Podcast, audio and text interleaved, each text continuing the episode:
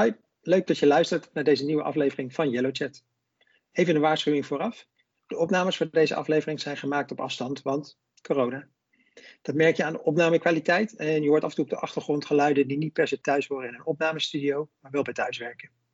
De inhoud maakt het meer dan de moeite waard om te blijven luisteren, dus doe dat vooral. Veel plezier met deze editie van Yellow Chat.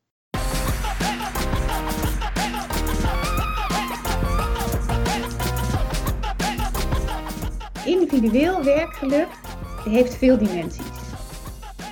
Als er een hele gezellige borrel uh, was geweest, dan zagen we dat ook terug. Dat vereist van de organisatie dat je uh, zo'n klimaat met elkaar creëert waarin dat kan. Je kan het volgens mij zo groot of zo klein maken als dat je zelf wil. Goedendag, welkom bij weer een nieuwe aflevering van Yellow Chat, de podcast van Evolve. Mijn naam is Bram Koster. Um, dit is een heel kort op de vorige editie, uh, die ook over werkgeluk ging. En uh, we vonden het zo'n leuk onderwerp, we blijven het gewoon opnieuw doen. Toch, Peter aan? Zeker. En ik moet zeggen, ik kan er wel van genieten om je gewoon zo kort op elkaar alweer te zien, Bram. Want normaal gesproken ja. we toch enige tijd tussen houden, hè? gewoon om, om, om ons werkgeluk ook een beetje leuk te houden. Maar toch, maar toch fijn dat wij elkaar nu alweer zien. Wat ja. Um, waar de vorige editie van Jelle Chat ging over het onderzoek dat onze collega Evelien Mak heeft gehouden. Um, gaan we vandaag hebben over de grauwe praktijk van werkgeluk. Hoe ziet dat eruit?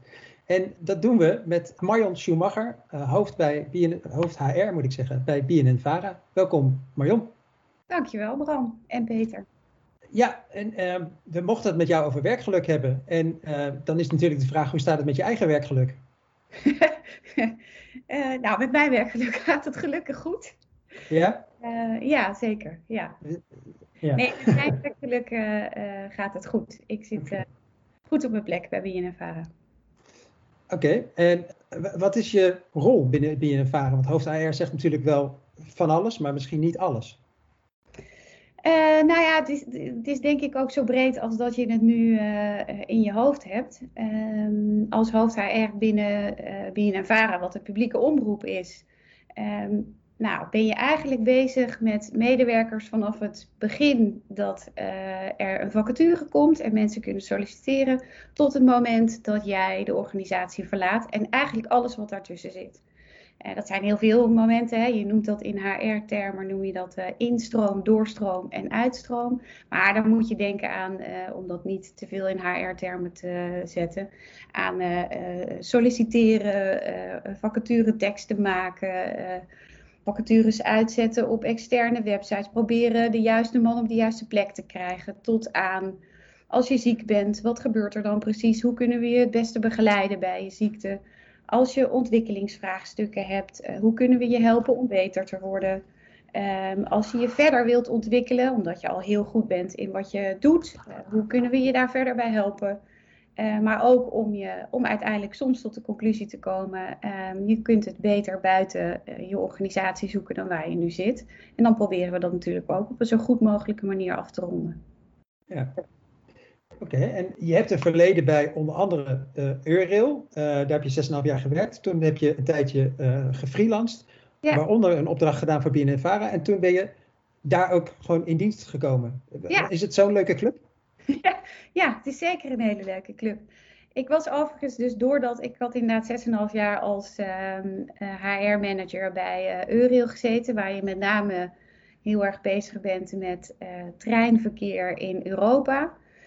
Um, waarna ik inderdaad besloot om um, als freelancer uh, verder te gaan. Dat heb ik uh, anderhalf jaar ongeveer uh, gedaan. En mijn eerste opdracht was bij de NTR, dat is ook een publieke omroep. Uh, en zo kwam ik eigenlijk ook bij BNNVARA terecht toen de opdracht bij de NTR ophield. In eerste instantie om uh, een opleidingsplan en een onboardingsplan te schrijven voor de omroep. Ik ben uiteindelijk langer gebleven omdat de werkzaamheden op de afdeling uh, zo groot waren dat ze me ook in konden zetten voor allerlei praktische dingen. Waardoor ik weer door ben gegaan naar een andere opdracht. En eigenlijk toen ik daar zat, werd ik gebeld uh, met de vraag: zou je het leuk vinden om uh, in, voor het echt bij ons te komen werken? Um, en daar hoefde ik inderdaad niet lang over na te denken, want het is een hele mooie wereld, de omroepen aan zich. En BNN Vara zelf sprak me ook enorm aan, omdat ze echt een missie hebben. Dus ze staan echt voor, nou ja, met een hele hart en ziel, zou ik bijna zeggen, voor rechtvaardigheid en gelijkwaardigheid. En dat zijn dingen waar ik me heel erg toe aangesproken voel. En ik vanuit mijn HR-kant natuurlijk, eigenlijk zou je zeggen, kan je bij ieder bedrijf werken. Maar het is juist heel fijn als je dat kunt doen daar waar je hart ook ligt. Eh, en dat gold voor mij in ieder geval bij ehm, de missie die BNNVARA heeft. Ja, en eigenlijk zeg je hiermee impliciet dat de employer branding van BNNVARA wel op orde is, in ieder geval wat jou betreft. Ik voelde hem heel erg. Ik had natuurlijk wel ja. een tijd daar gezeten. Hè? Dus dat is wel een. Uh, ik heb hem niet helemaal als externe meegemaakt. Maar ja, op het moment dat ik uh, daar zat, voelde ik dat. Er werken ook gewoon heel veel mensen die met volle passie aan uh, een echt in de rechtvaardigere en gelijkwaardigere samenleving werken. Het is echt heel mooi om te voelen. Ja, dan is het bruggetje naar werkgeluk natuurlijk eigenlijk best wel klein. Hè? Want als je met zoveel passie daar kan werken en die passie ook kwijt kan, dan, dan lijkt me dat een belangrijk onderdeel voor hoe, hoe je je voelt in je werk. Ja. Merk je dat ook echt in jouw werk? Jazeker, want als je, hè, als je het hebt over voldoening in je werk of zinvol uh, werk kunnen doen, dan kun je je voorstellen dat als je als journalist iets aan de kaak kunt stellen waarbij je dat niet voelt, en zodat je dat in ieder geval kunt uiten aan uh, Nederland, ja, dat daar je voldoening, of in ieder geval je, je gevoel voor zingeving, dat dat, ja, ja. dat heel belangrijk is. Maar volgens mij is werkelijk wel iets meer dan alleen voldoening en zingeving. Uh, maar het is wel een hele grote factor. Ja, zeker. En als het meer is, wat, wat is het er nog meer in? Welke aspecten komen er nog meer bij kijken in jouw uh, visie? Ja, dat een, die vind ik ingewikkeld. Want, um, en dat zullen jullie vast ook van jullie collega uh, begrepen hebben, werkelijk is voor iedereen anders. en zo, ja, ik geloof dat het zelfs dat er ergens zo'n quote is met zoveel gezichten, zoveel vormen van werkgeluk. Kijk, wat voor de een heel belangrijk is, is voor de ander misschien net iets minder belangrijk, maar die zoekt hem dan weer ergens anders in. Maar ik denk dat je, nou daar, daar zit wel een algemene deler in. Hè? En, zinvol werk doen is er één van. Maar ik kan me ook voorstellen dat de vrijheid hebben om je werk in te richten zoals je dat zelf wil, dat dat ook een belangrijk is. Of uh, de autonomie hebben om je werk zo te doen als dat jij dat wil, dat is ook heel belangrijk. Uh, het vertrouwen krijgen vanaf je van leidinggevende is ook heel belangrijk. Uh, eerlijkheid, cultuur binnen een organisatie. Ja, daar zijn heel veel factoren die meetellen en meewegen aan je eigen werkgeluk. Ja, en nou hadden we het in die vorige podcast uh, over vier pijlers die uit zo'n handboek komen. Ja. Die vier P's. En eigenlijk zeg jij van misschien is, het, misschien is het nog wel complexer. Misschien is het wel breder. Misschien is het, is het lastig om het gewoon te pinpointen waar het dan in zit. Ja, wat ik uit mijn ervaring doe, hè, dat is natuurlijk net iets anders dan hoe dat in uh, handboeken beschreven is. Ja. Zie ik wel daarom, dat... daarom hebben we je gevraagd. ja, goed. wat, ik, wat ik uit mijn ervaring weet, is dat individueel werkgeluk heeft veel dimensies. Ja. Uh, overigens is individueel werkgeluk, daar kan je ook best makkelijk iets aan doen hè, als leidinggevende werkgeluk op teamniveau of soms uh, werkgeluk op organisatieniveau is veel ingewikkelder. En dan moet je dus die dingen gaan clusteren. Dus ik kan me voorstellen dat in de boeken die dingen geclusterd worden naar bijvoorbeeld de 4 P's. Volgens mij zijn er meer theorieën, maar uh, om het toch een beetje een gezamenlijk iets te geven waar je een aantal onderwerpen aan kunt hangen. Oh Marion, je zegt net, ik kan me voorstellen op, op organisatieniveau is het complex en dat je gaat clusteren. En ik kan me voorstellen dat je allerlei interventies hebt vanuit organisatieniveau om dingen te doen. Maar in welke mate kun je daar eigenlijk iets op organisatieniveau echt iets aan doen? En is er niet iets individueels? En in welke mate ligt het bij de organisatie en in welke mate ligt het ook gewoon voor een deel bij de medewerker? Ja, ik snap je vraag.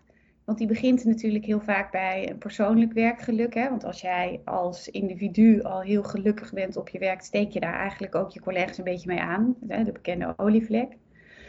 Aan de andere kant kun je juist op organisatieniveau heel veel initiatieven nemen, waarbij je heel goed luistert naar de vragen van uh, de medewerkers uh, en ze daar ook mee een aantal dingen, een aantal handreikingen kan geven. Dus op organisatieniveau kun je er ook heel veel mee bereiken. Alleen daar bereik je niet mee dat de individuele werknemer zich gezien en gehoord voelt. Dus het werkgeluk ligt op heel veel dimensies. Die ligt, heel vaak ligt die door het openstellen van de medewerker om aan te geven waar die behoefte aan heeft.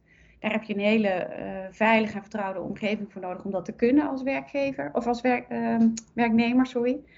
Um, en als organisatie heb je nodig dat er leidinggevenden zitten die naar je willen luisteren, uh, maar die ook acties willen ondernemen, resultaten willen boeken om hun medewerkers verder te helpen. En daar heb je ook weer een organisatie voor nodig die daar bereid is in te investeren. Precies, ja. Dat zijn best wel wat voorwaarden. ja. ja, die overigens ook allemaal heel natuurlijk voelen. Hè? Dus het lijkt een heel uh, poeh, wat gaan we allemaal doen? Uh, maar ik, ik, ik vind het oprecht ook een taak van heel veel leidinggevenden om vaak met je medewerker in gesprek te gaan. En te vragen, hoe gaat het nou met jou? En hoe kunnen we jou nou helpen om het nog leuker te hebben hier? Maar dat lijkt me dus stiekem best wel ingewikkeld. Hè? Want het is van zoveel facetten afhankelijk. En ook zo erg afhankelijk van de rol van de leidinggevende. En daarin heeft ook de leidinggevende, moeten we niet vergeten, dat praat altijd over alsof het een van de objecten is. Maar het is ook gewoon een mens met emoties en gevoelens en ideeën en noem het allemaal op, zeg maar. Ja. Dat vraagt er best wel veel van. Het lijkt me best ingewikkeld naar, op organisatieniveau, omdat je ook een verscheidenheid hebt aan leidinggevenden. Om dus daar goed op te kunnen sturen, zeg maar, dat goed te kunnen begeleiden. Zodat die laag daaronder ook echt goed geholpen en gehoord en gevoeld en uh, et cetera bij komt. Hoe zie jij dat? Hoe, hoe, hoe, hoe, ga je om met die complexiteit? Ja, dat iedere manager zijn eigen persoonlijke stijl heeft, dat is dus goed. En dat moeten we ook behouden. Uh, want we moeten zeker geen robots van uh, leidinggevenden gaan maken. Maar je kunt wel met elkaar afspraken maken over hoe je dat doet als leidinggevende. Hoe vaak je bijvoorbeeld gesprekken hebt met je medewerkers hoe je omgaat met signalen die er komen uit je team. Um, wanneer betrek je PNO of HR erbij en wanneer niet? Wanneer ga je dat zelf doen? Dus je kunt met elkaar wel uh, afspraken maken over hoe je dat in een nou, proces giet. Dat klinkt een beetje eh, technisch, maar uh, daar kan je wel met elkaar over praten. Um, maar ik denk juist dat de uniekheid van de leidinggevende, die, die, moet je blijven behouden. Want daar, het is juist dat intermenselijke contact wat zo belangrijk is. En om dan meteen over te gaan van hoe doe je dat dan, heel concreet. Want dan kan ik me ook voorstellen dat dat jullie volgende vraag is. Uh, en dan reik ik even terug naar mijn ervaring bij Eurail, waar we wekelijks echt op basis van een survey gingen meten hoe het met ieder team was. Dus stuurden we iedere dinsdag stuurden we een mail uit. Met, uh, nou, dan moest je aangeven hoe je je voelde met smileys. En vervolgens kwam de vraag: en hoe komt dat nou dat je je zo voelt? En als je dat iedere week doet, dan kan je zeggen dat is heel veel en misschien ook een beetje kinderachtig. Maar omdat het maar twee vragen waren, viel dat mee. Werden mensen niet enorm survey moe. Uh, maar kan je wel heel erg goed zien wat het verschil tussen teams was, maar ook wat het verschil van week op week in een team was. Dus als je zag dat, uh, nou, en ik verzin nu maar even iets, dat de werkdruk in een bepaalde week heel hoog was, dan zag je ook dat het geluk van die medewerker, of dat de smileys in dat team net een wat andere kleur hadden uh, dan dat ze de week daarvoor hadden. En dat hoeft helemaal niet erg te zijn, sterker nog, dat hoort ook bij werken. Alleen het is wel heel goed dat je als HR op zo'n moment tegen die leidinggevende zegt: Dit is wat we zien. Ga eens even zitten met je team. Van goh, weet je, hoe voel je je nu? We weten allemaal dat het hartstikke druk is, maar hoe gaat het nu eigenlijk met jou? Dus het wil niet meteen zeggen dat je uh, dat af moet straffen, maar in ieder geval wel dat je het gesprek aangaat met je medewerkers. Ik moet zeggen, vind ik echt een prachtig voorbeeld. En nu loop ik in veel organisaties rond. Ik kende het niet. En ik denk dat het ook hartstikke goed is. Maar ik kan me wel voorstellen dat als leidinggevende je dan denkt: hallo HR, uh, eh, hartstikke leuk, maar dit is mijn team. En uh, waar bemoei je eigenlijk mee, zeg maar. Hè? En nogmaals, dit zegt misschien alles over mij hoor, zeg ik daar meteen. Het is puur projectie. Maar uh, wat ik eigenlijk daarmee wil zeggen is dat eigenlijk wat je vaak ziet, of tussen wat mijn ervaring vaak is, dat HR op een bepaald abstractieniveau blijft zitten van, van, van kaderstellend, zeg maar. En wat je hiermee eigenlijk doet, is eigenlijk veel meer een actieve rol pakken in de organisatie om te toetsen van hoe gaat het eigenlijk. Ja, een veel coachendere rol. Hè? Dus, en, en ik denk ook dat de rol van HR is natuurlijk in de laatste jaren enorm veranderd. Hè? Want daar waar het ging om het goed uitbetalen van je salaris en het ondersteunen van een goed administratief proces, is HR in de laatste jaren veel meer, en dat noem je dan in HR-termen, een business partner geworden. Um, waar ze inderdaad veel meer een coachende rol pakken. En ik denk ook dat dat heel hard nodig is. Hè. Medewerkers zijn je allergrootste goed. Dus op het moment dat jij wil dat uh, je bedrijfsresultaten uh, goed worden, dat iedereen lekker in zijn vel zit, om dat te behalen wat jij uh, voor ogen hebt, heb je ook iemand naast je nodig die je daarbij gaat helpen. Want we weten het niet allemaal. We moeten het met elkaar doen. Nee, maar in dat kader denk ik er ook. Kijk, ik bedoel, volgens mij zijn er al meer onderzoek geweest over dat geluk ook heel erg afhankelijk is en cultuur van het team waarin je zit. En dan hebben we het vaak, vaak over organisatieculturen, maar vaak zie je dat het binnen een organisatie nog zo gedifferentieerd is dat het vaak per team gaat. Dan is het eigenlijk ook best wel raar dat je, als het zo belangrijk is binnen die teams, dat je dan ook alleen bij een leidinggevende neerlegt. En niet daar ook nog iemand naast zet, bij wijze van spreken, om eens te kijken van hoe gaat het eigenlijk en hoe werkt het eigenlijk en kunnen we daar niet wat meer mee helpen. Ja. Dus ik denk dat het heel slim is. Ja. Dat is het ook. En want je hebt vanuit verschillende expertises heb je gewoon, uh, kun je hulp bieden. Hè? Dat is niet alleen vanuit uh, eh, BNO, dat zijn natuurlijk op, op heel veel vlakken. Uh, alleen vanuit een Kan je iemand echt helpen op het gebied van coaching. Ik denk dat dat gewoon, nou, dat het een verrijking is. Ja. Je refereerde al aan Euril, waar je met werkelijk werkte. Ja. Um, volgens mij had je zelfs een collega die daar uh, een soort stempel uh, of als, als, een functie bijna had toebedeeld gekregen, of als een rol in ieder geval. Werkgeluk. Kun je daar meer over vertellen? Ja, de werkgelukdeskundige. Nou, wat we op een gegeven moment zagen, dat kwam uh, door die tool die we gebruikten, waar we dus iedere week ehm, dus mee, mee konden meten hoe het ging met onze medewerkers. Dat is een beetje raar, want uh, dat verwijt kregen we overigens ook best vaak. Van moet je dat nou serieus vragen aan de hand van een tool? Kun je niet gewoon met ons in gesprek gaan? Maar je ziet ook dat je, we, we wilden dat heel graag op de voet kunnen volgen. Maar we wilden ook weten, wat werkte nu wel goed en wat werkte nou eigenlijk niet goed? Want soms voerden we wel eens dingen uh, door waarvan we achteraf dan moesten zeggen, hm, dat heeft niet zo goed gewerkt. Maar we konden ook, uh, dat is een heel flauw voorbeeld, als er een hele gezellige borrel uh, was geweest, dan zagen we dat ook terug. Dus dat was, dat was blijkbaar ook iets wat mensen heel belangrijk vonden. Hè? Dat heeft niet zozeer direct met je werk te maken, maar wel fijn dat mensen dat in ieder geval enorm waardeerden. En om dat een dimensie verder te brengen, ehm, hebben we op een gegeven moment inderdaad één iemand in mijn team aangesteld als werkgelukdeskundige.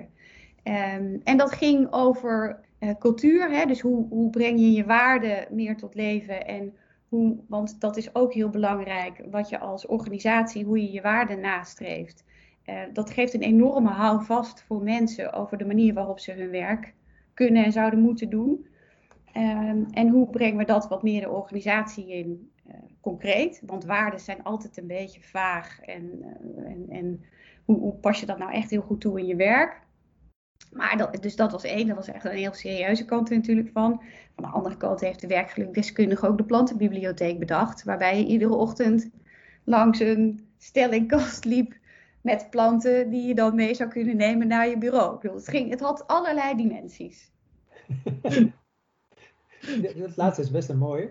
Maar alleen toepasbaar in de situatie dat je met z'n allen op kantoor zit. Um, en, en nu zitten we allemaal thuis. Um, volgens mij heb je daar ook ervaring mee bij Euril, want niet iedereen werkt op kantoor.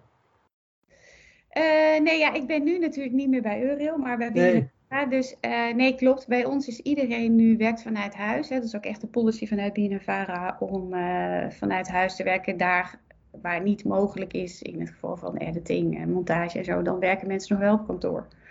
Maar eigenlijk verder zit iedereen thuis. En daaraan zie je ook uh, dat het werkgeluk van mensen ook verschillend beleefd wordt. Hè. De een vindt het heel prettig om vanuit weer huis te werken, want die heeft minder reistijd en die is wat meer bij zijn gezin. Tot aan degene die het echt verschrikkelijk vindt thuis, die zijn collega mist, eigenlijk geen goede werkplek heeft en het allerliefste gisteren nog naar kantoor wilde gaan in plaats van morgen. En niet, te veel, en niet te veel bij zijn gezin is. ja, misschien ook wel. maar ik kan me wel voorstellen dat het inderdaad wel uh, lastig is. Want je had het net over, uh, over die dimensies van werkgeluk. En dat gaat ook over erkenning en zichtbaarheid en allerlei dat soort dingen. Ja. Het zijn vaak dingen die zich in de, in, de, in de fysieke ruimte, om het zo maar te zeggen, zich afspelen. In, in elkaars nabijheid. Dat is een stuk lastiger, ervaar ik zelf ook, als je op afstand van, van, van elkaar zit. Ja. Herken je dat ook en hoe ga je daarmee om? Of hoe zie je dat? Nou, ik herken het ook. Sterker nog, we hebben bij BNNVARA ehm drie onderzoeken gedaan, waarvan er twee heel specifiek gericht waren op het thuiswerken. En het derde was een cultuuronderzoek waarbij we uh, thuiswerken onder andere hebben meegenomen. We zien het ook terug in die onderzoeken. Dat mensen het echt uh, als heel moeilijk ervaren om het contact of de betrokkenheid bij uh, de organisatie waar je werkt en het contact met, de, ja, met je mede, met je collega's dat is heel moeilijk om dat via videobellen te krijgen of via de telefoon. Dat wordt ook oprecht gemist. En dat is ook een van de dingen die terugkwam in de open vragen. Van ja, het praatje bij het koffiezetapparaat. Gewoon chit-chat over het weekend of over wat heb je gisteren gedaan. Dat missen mensen eigenlijk het meeste. Ja. En dat kan je eigenlijk niet Tenminste, ik, dat vind ik heel lastig. Je kan er bijna niet evenaren. We hebben daar natuurlijk van alles aan gedaan als organisatie. We hebben een pubquiz georganiseerd. We hebben breakout rooms georganiseerd. Op donderdagmiddag, waar er normaal een borrel was, hadden we één gezamenlijke sessie. En vervolgens ging je in breakout rooms met elkaar gewoon bijkletsen. Uh, we hebben lezingen gehad. We hebben uh, nou, grappige dingen gehad. We hebben voorbeschouwingen voor het nieuwe seizoen gehad. We hadden eigenlijk iedere donderdag wel iets anders uh, op de agenda staan. Waarmee we het contact met die medewerker heel erg graag wilden behouden. Maar wat we ook een beetje vergaten was, iedereen zit de hele dag naar een scherm te kijken. Die hebben helemaal geen zin meer om een borrel te drinken met hun collega's via dat scherm die hebben, veel, die hebben behoefte aan uh, elkaar even zien. Of een wandeling in het bos. Of, uh, hè, dus dat is op een gegeven moment ook wel uit een van die onderzoeken gekomen. Dat uh, bila's ook gewoon in het bos konden zijn. Even een rondje wandelen met elkaar. Dat kan niet altijd, hè, als de een in Alkmaar woont en de ander in Utrecht. Maar daar waar het wel kon, hebben we dat ook geprobeerd wel uh, onder de aandacht te brengen. Bosbila. Een bosbila, ja. ja dat is een is een mooie nieuwe term. Ja. En um, je vertelde net over die, uh, hoe je bij Eurail zo'n wekelijkse survey deed. Uh, bij BNNVARA doe je dat daar ook? Of meet je het op dezelfde conscientieuze manier? Of gaat, nee. gaan jullie er op een andere manier mee om? Nee, we meten het bij BNNVARA niet op een wekelijkse manier. Overigens, uh, ik denk ook niet dat dat binnen deze organisatie zou passen. Hè. Je moet dit soort onderwerpen echt altijd wel goed afstemmen op de cultuur binnen de organisatie. Uh, de cultuur bij BNNVARA is anders dan die uh, bij Eurail. Dat wil niet zeggen dat ik uh, niet denk dat we het niet moeten meten. Want ik denk zeker dat we het moeten weten. Alleen ik denk dat het wekelijks meten, zeker in tijd van corona, waarbij we al zoveel surveys in moeten vullen, dat dat echt niet zo goed zou werken. Nee. Maar het feit dat je het kunt meten en dat je aan de hand van die metingen het gesprek aan kunt gaan met je medewerkers, dat is wel iets wat ik goed vind. Dat zou ik zeker op termijn ook wel wat meer uh, in willen voeren bij BNNVARA. Wij experimenteren er ook mee, want wij zijn natuurlijk ook wat dat betreft gewoon een bedrijf zoals ieder ander. En we hadden op, op een gegeven moment bedacht inderdaad, uh, we gaan op donderdagmiddag gaan we met z'n allen lunchen. Een soort cultuurding die we normaal gesproken op vrijdag op kantoor altijd deden, want dat was in een kantoor. En ik geloof dat we het exact twee keer gedaan hebben. En toen was de, de, de algehele gedachte, of de, de algehele opmerking. Ik zit al de hele dag achter een scherm. Uh, hartstikke leuk om te spreken, maar gewoon liever niet achter een scherm. Nee. Heel graag nee. even, even, even kunnen afschakelen. Ja, ja, en terecht eigenlijk ook, hè? Ja. Uh, want je hebt juist uh, even frisse lucht nodig en uh, wat beweging. Dus als je dan weer moet gaan zitten. ik hoorde laatst van een fysiotherapeut die sprak over hoe werkt het nou? Hoe kan je mensen nou echt goede adviezen geven over thuiswerken met hoe zit je nou? En die zei ja, eigenlijk moet je drie keer per kwartier opstaan. Drie ja, keer je... per kwartier? Ja. ja. Oké. Okay. Ja, dat is heel veel. Ja, ja. dat bedoel ik. Ja. Ik zat denken, wat ben je aan het werk? Maar wat... Dan moeten we met terugwerkende kracht even een paar keer opstaan uh, van het afgelopen half uurtje. Ja. ja. Um, dan heb je bosbila's en allerlei manieren waarop je dan toch nog probeert verbinding te houden met, met mensen. Maar um, als je nu kijkt naar BNN-VARA, um, zie jij een verschil in werkgeluk? Laat ik het maar even dat stempel nog blijven geven. Uh, binnen BNNVARA voor corona en na corona. Of ja, eigenlijk zetten we nog niet na corona, maar middenin. Um, maar zie je daar verschil in? Um, ja, ik zie het verschil dus in die betrokkenheid met name. Uh, ja. En, en dus ik vind echt dat, en dat hebben we ook gezien in die onderzoeken die we hebben gedaan, dat die betrokkenheid echt minder is. Uh, en daar hebben we ook vragen gesteld, hè, als van hoe betrokken voel je je nu en hoe uh, betrokken voelde je je een half jaar geleden. En dus we hebben dat uh, zo op die manier proberen uit te vragen. Daar zien we in de cijfers echt dat dat terugloopt. Uh, maar als je kijkt naar die andere dimensie, hè, dus van bevlogenheid, Um, ja, door alleen maar thuis op je, in je eigen kantoortje te zitten, um, is de bevlogenheid soms dus ook afgenomen. Ja. Dat geldt niet voor iedereen. Maar um, ik denk als je het over de gehele linie neemt, is het wel uh, wat minder geworden. Ja, en als het gaat over verbondenheid, dat, dat is eigenlijk best wel een breed begrip. Hè? Dat kan verbondenheid zijn met de organisatie in, uh, in zijn geheel. Het kan verbondenheid zijn met je hele directe collega's. Ja. Um, als jij zegt het is afgenomen, uh, gaat het dan over al die aspecten of zie je daar ook nog wel een verschil in? Nou, collega's worden natuurlijk als eerste heel erg gemist. Ja. Um, maar uiteindelijk speelt dat door op ieder niveau. Hè? Dus gaat het van je hele naaste collega's naar dat je als team misschien dan met elkaar nog wel dingen deelt, maar niet meer met dat team waar je normaal mee uh, uh, in kantoren zat en af en toe eens zag. En al helemaal niet met de rest van de organisatie. Dus dat zijpelt wel door in, in de rest van de organisatie. Ja. Het is ook wel in lijn met, die, met wat wij zagen met het onderzoek, toch Peter? Daar was zelfs 23, 83% van de mensen die minder verbondenheid ervoer, ervaart. Ja, van de, van de, van de respondenten uh, um, ja. uh, voelde zich 83% zich minder verbonden nu dan, dan, dan, dan voor corona. Dat zijn enorme cijfers. Echt enorme ja. Ja. En Niet trouwens... gek, denk ik, hè? Niet gek, want we hebben, ik bedoel, mensen zijn natuurlijk gewoon sociale dieren. We hebben toch ook dat uh, fysieke contact met elkaar nodig. Wat ik daar dus ook nog opvallend in vond, is over, als we het hebben over werkgeluk, is dat dus jongeren minder werkgeluk ervaren dan, dan, dan, dan ouderen. Met andere woorden, ouderen gaven een hoger, uh, oudere werknemers, dus uh, boven, de, boven, boven de 50 dacht ik, gaven een substantieel hoger uh, getal dan, dan jongeren. Nu kan ik me voorstellen dat, dat BNN, daar werken ook veel jonge mensen. Herken je dat? Uh, ja, ook bij ons is dat zo inderdaad. Ja. Dat, uh, we hebben overigens ook, we hebben eigenlijk uit iedere leeftijdscategorie uh, wel groepen mensen. Hè. Dus we hebben inderdaad heel veel jongeren aan het werk. We hebben ook oudere werknemers aan het werk. Maar we zien wel dat inderdaad het geluk van ehm, jongeren, dat dat ten opzichte van hoe het was in ieder geval afgenomen is. Maar je moet je ook voorstellen, kijk, het is natuurlijk niet alleen werk waar veranderingen optreden. Hè. Het is ook niet meer uitgaan, niet meer met vrienden uh, kunnen eten, um, niet meer af kunnen spreken met je vrienden. Dus er is meer in het leven van die jongeren veranderd, wat invloed op elkaar heeft.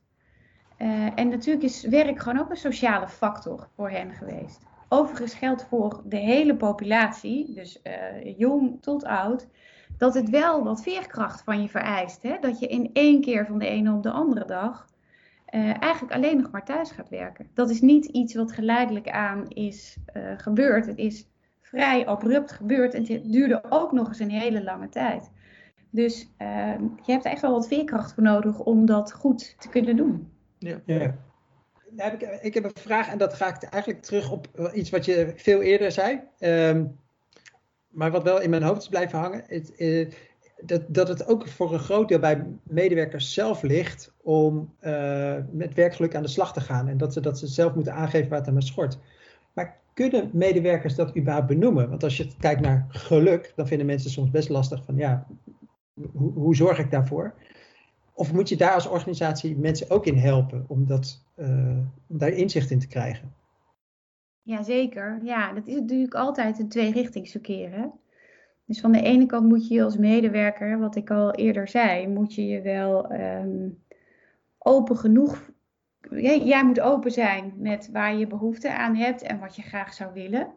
Dat vereist van de organisatie dat je uh, zo'n klimaat met elkaar creëert waarin dat kan. Dat je ook open kunt zijn en dat je kunt aangeven wat je wil. Uh, en dat vraagt van de leidinggevende dat hij dat oppikt en dat hij daar ook de juiste sturing aan geeft. Dus daar, dat is altijd een tweerichtingsverkeer. Ja. en inderdaad, medewerkers kunnen misschien niet altijd vanuit de termen zoals wij daar nu over praten heel duidelijk aangeven, maar dat maakt me gelukkig. Maar die kunnen wel aangeven uh, waar hun wensen liggen. En waar ze gaat, bijvoorbeeld graag naartoe zouden willen groeien. En wat hebben ze daar dan voor nodig om dat te kunnen doen. Um, dus daar moet je een aantal gesprekstechnieken misschien voor aanleren bij leidinggevenden. Ja. Maar mensen kunnen heel goed aangeven waar zij zelf behoefte aan hebben. Ja. Dat mag je ook wel verwachten, vind ik. Dat is ook... da daarmee is het best een groot onderwerp, hè? omdat het best wel uh, in de organisatie het een en ander vergt om het echt serieus op te pakken. Mm -hmm. um, zijn er ook mogelijkheden om het op kleinere schaal te starten? Met, uh, en, en dus niet misschien met die wekelijkse mail aan iedereen in de organisatie, maar het, het, dat kun je natuurlijk ook op teamniveau doen hoor. Maar zijn er andere manieren waarop je het kunt aanvliegen? Je kan het volgens mij zo groot of zo klein maken als dat je zelf wil. En dat begint uh, met het goede gesprek voeren. Dus uh, dat zou stap 1 al zijn. Dat kan eigenlijk iedereen. Ja. Ik heb al een, een, een, vraag, zeg maar. Maar we moeten even kijken of daar ook een antwoord op hebt. Want het is nou best wel een ingewikkelde vraag. Want de, de 100.000 euro vraag is natuurlijk... Maar wat doen we er dan aan, zeg maar? Maar ik denk dat de vraag nu leeft bij veel mensen. Oké, dat hebben we geconstateerd. Dus minder verbondenheid. Maar wat doe je dan, zeg maar? Um, ik, ik, voel de ongemakkelijkheid erbij en die, uh, die heb ik zelf ook. Hè? Want uh, we kunnen de wereld niet veranderen. Ik kan nu niet zeggen, we gaan elkaar lekker wel allemaal fysiek ontmoeten. Want die keuze is er helemaal niet. Dus we moeten ook een beetje roeien met de riemen die we hebben. Um, en wat doe je er? Het zal altijd suboptimaal zijn nu. Hè? Want uh, je blijft op afstand. via videobellen of via de telefoon, hè, hoe dan ook. Je hebt op een andere manier contact met elkaar, terwijl de behoefte heel erg is dat om elkaar te zien. Um, dus wat doen we er nu aan? Ik denk de, hè, binnen de kaders die er nu zijn, toch proberen om dat contact met elkaar te onderhouden. Want dat is denk ik het allerbelangrijkste. Dat je niet verzandt in een situatie dat je denkt, ik heb er toch geen zin meer in, moet weer gaan videobellen. Maar dat je dan contact op een andere manier met elkaar gaat zoeken. Dus dat kan via bellen, dat kan via een wandeling, dat, nou, noem maar op. Daar zijn denk ik wel wat andere mogelijkheden voor. Maar het zal altijd iets anders zijn dan dat je elkaar gewoon toevallig tegenkomt in de gang. Um, Marion, nu, uh, nu zitten we met z'n allen thuis. Um, vanwege de, vanwege, uh, corona. Op een gegeven moment gaan we ervan uit dat dit een tijdelijke situatie is. Dat echt alle mensen gedwongen thuis zitten. Dan hoor je bij heel veel bedrijven, we gaan nooit meer echt terug naar kantoor zoals we altijd deden. Het zal eigenlijk een soort hybride deel worden met een deel, uh, uh, je gaat aan het werk thuis en je ontmoet elkaar op kantoor. Uh, ik snap het concept, maar wat ik me afvraag als je dat dan doordringt qua praktische toepasbaarheid is, ik zit met mijn afdeling, met mijn team, bespreken we af, ik zit dan op, op dinsdag gaan we naar kantoor, want dan gaan we elkaar ontmoeten, dan gaan we spreken en dat soort dingen al doen. Maar vervolgens zit ik ook in een, in een team met, met mensen van, van HR en uh, de makers van een bepaald programma, bij wijze van. Ja. En die vergaderen altijd op woensdag. Zit ik dan ook niet ook op woensdag op kantoor? En, en met andere woorden, omdat ik in zoveel verschillende samenstellingen met mensen zit, zit ik straks gewoon niet alsnog weer gewoon de hele dag op kantoor. Ja, ik kan me voorstellen dat je dat vraagt. Hoe zie jij dat? Nou ja, nee, dat, daar moet je een. Uh, ik denk dat je het iets anders zou uh, moeten kunnen benaderen, maar dat vraagt ook heel veel van de organisatie. Hè? Dus op het moment dat jij met je afdeling samen wil zitten, omdat je aan het brainstormen bent, of en waarvan je het gevoel hebt dat dat een proces is die je moet doen, uh, fysiek op kantoor, dan moet dat natuurlijk kunnen. Dus die ontmoetingsplaats die moet daar inderdaad gecreëerd worden. Alleen moet kantoor, of moet de organisatie het kantoor ook zo in gaan richten dat uh, het samenkomen of het, plannen van vergaderingen of meetings eigenlijk ook hybride plaats moet kunnen vinden. Dus op het moment dat jij fysiek op kantoor bent, moeten mensen ook vanuit huis in kunnen bellen. Moeten, het moet een goede infrastructuur zijn, uh, goede ICT, uh, goede wifi, er moeten goede beeldschermen zijn, er moet een goede webcam aanwezig zijn. Dus daar zijn andere dingen voor nodig die het ook uh, mogelijk moeten maken, waardoor jij op die uh, hybride vorm toch deel kunt nemen aan die meetings en niet iedere dag naar kantoor zou moeten komen. Maar het mogelijk maken om wel naar kantoor te komen, dat moet er ook zijn. Dus buiten dat het alleen een clubhuis is om samen te komen en meetings, zal je misschien ook af en toe behoefte hebben om een kopje koffie te drinken met die collega van een andere afdeling. Dus je hebt je, je, moet daar in, bij de inrichting van je kantoorpand ook echt goed rekening mee houden. Waar gaan we ervoor gebruiken? En kan iedereen op de manier zoals we dat nu vinden dat dat belangrijk is, kan iedereen dan ook deelnemen? Maar dat betekent ook iets, denk ik, als je dat zegt, hè, want dat, dat, dat, dat snap ik. Maar het betekent alleen iets aan de technische infrastructuur en aan de, en aan de facilitaire eigenschappen. Ja. Uh, maar het betekent ook iets voor als je in zo'n sessie zit en er zit een deel op kantoor en een deel belt hybride in, of tenminste een deel belt in, dus je hebt echt een hybride situatie, ja. vraagt het ook iets van de vaardigheden van uh, degene die, die zo'n sessie leidt. Want je wilt niet dat je een soort in-group, out-group krijgt in zo'n sessie. Dat je uiteindelijk alsnog het gevoel hebt, ik moet naar kantoor, want dan, dan krijg ik meer mee van, van de sessie. Ja. Dus er zit een suggestie in mijn vraag. Maar, maar vind je ook dat, we zeggen dat, uh, of eigenlijk in dit gesprek hadden we eigenlijk al geconstateerd dat, dat HR een rol heeft misschien in het begeleiden van managers in nou, het veroorzaken van werkgeluk, om het zo maar te zeggen, of het ja. uh, ondersteunen van werkgeluk. Zit hier dan ook een rol van HR in? In het begeleiden van de managers en die, die teams over hoe hou je nu iedereen erbij in zo'n sessie? Of zeg je van, dat ja, alleen in sessies. Hè. Ik denk dat het wel een, een van de eigenschappen moet zijn voor een leidinggevende om iedereen, uh, om betrokkenheid te creëren van iedereen. Hè. Dus dat kan in een vergadering zijn, uh, maar dat kan ook in je eigen team zijn. Of, uh, dus dat, ja, daar zijn meer dingen. Maar het is zeker een van de eigenschappen die je mee zou moeten nemen als leidinggevende. Ja, dat je in staat bent om iedereen erbij te kunnen betrekken. En zit er ook een rol voor communicatie in dit alles? Want dit is, het is HR's territorium. Maar ja, welke rol speelt communicatie hierin? Ja, die is heel belangrijk. Um, want uh, als HR kun je natuurlijk nog zoveel verzinnen. Het moet uiteindelijk ook in die organisatie belanden. En iedereen moet natuurlijk weten waar, je, waar je het over hebt. Uh, dus de rol van interne communicatie is heel belangrijk.